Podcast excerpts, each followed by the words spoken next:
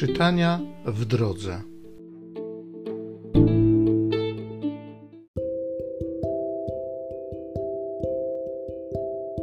Z księgi Jozułego. Jozue zgromadził w Sychem wszystkie pokolenia Izraela. Wezwał też starszych Izraela, jego książąt, sędziów i zwierzchników, którzy się stawili przed Bogiem. Jozue przemówił wtedy do całego narodu. Gdyby wam się nie podobało służyć Panu, rozstrzygnijcie dziś, komu służyć chcecie. Czy bóstwom, którym służyli wasi przodkowie po drugiej stronie rzeki, czy też bóstwom Amorytów, w których kraju zamieszkaliście? Ja sam i mój dom służyć chcemy Panu. Naród wówczas odrzekł tymi słowami: Dalecy jesteśmy od tego, abyśmy mieli opuścić Pana, a służyć cudzym Bogom. Czy to nie Pan, Bóg nasz, wyprowadził nas i przodków naszych z ziemi egipskiej, z domu niewoli?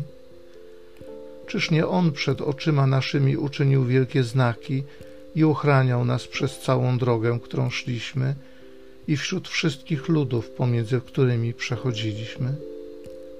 My również chcemy służyć Panu, bo On jest naszym Bogiem.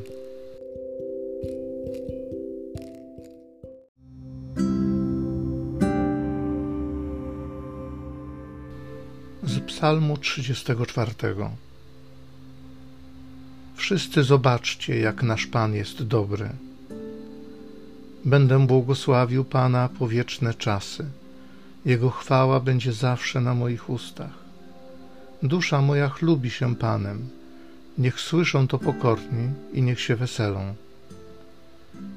Oczy Pana zwrócone na sprawiedliwych, uszy Jego otwarte na ich wołanie. Pan zwraca swe oblicze przeciw złoczyniącym, by pamięć o nich wymazać z ziemi. Pan słyszy wołających o pomoc i ratuje ich od wszelkiej udręki. Pan jest blisko ludzi skruszonych w sercu, ocala upadłych na duchu.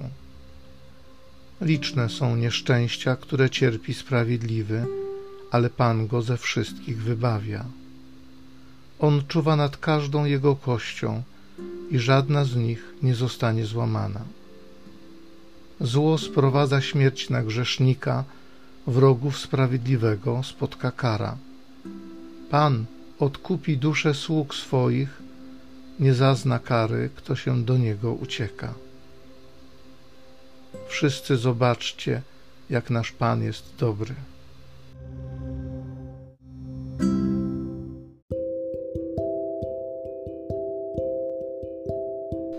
Z listu świętego Pawła apostoła do Efezjan.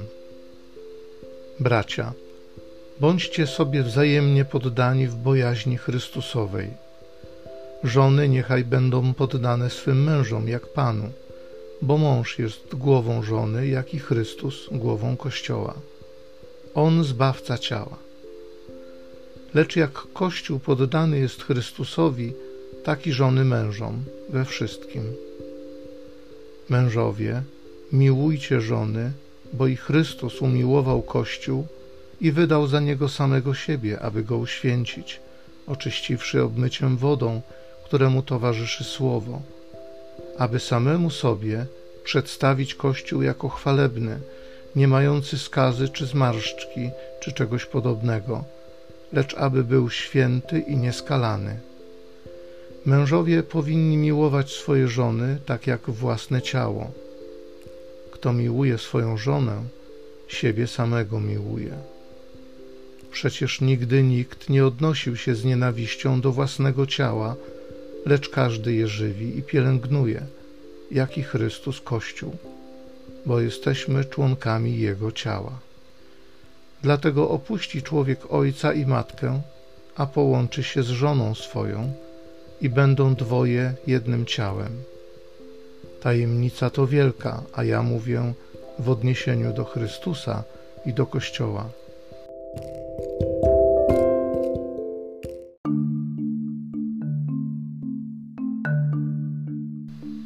Słowa Twoje, Panie, są duchem i życiem.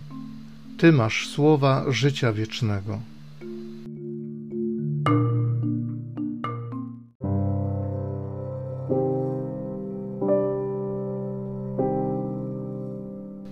Z Ewangelii według świętego Jana. W synagodze w Kafarnaum Jezus powiedział: Ciało moje jest prawdziwym pokarmem, a krew moja jest prawdziwym napojem. A wielu spośród jego uczniów, którzy to usłyszeli, mówiło: Trudna jest ta mowa, któż jej może słuchać? Jezus jednak świadom tego, że uczniowie jego na to szemrali, rzekł do nich: To was gorszy? A gdy ujrzycie syna człowieczego, wstępującego tam, gdzie był przedtem, to duch daje życie, ciało na nic się nie zda. Słowa, które ja wam powiedziałem, są duchem i są życiem, lecz spośród was są tacy, którzy nie wierzą. Jezus bowiem od początku wiedział, którzy nie wierzą i kto ma go wydać. Rzekł więc: Oto dlaczego wam powiedziałem, nikt nie może przyjść do mnie, jeżeli nie zostało mu to dane przez Ojca. Od tego czasu wielu uczniów jego odeszło i już z nim nie chodziło. Rzekł więc Jezus do dwunastu: Czyż i wy chcecie odejść? Odpowiedział mu Szymon Piotr: Panie, do kogo pójdziemy? Ty masz słowa życia wiecznego. A my uwierzyliśmy i poznaliśmy, że Ty jesteś świętym Bożym.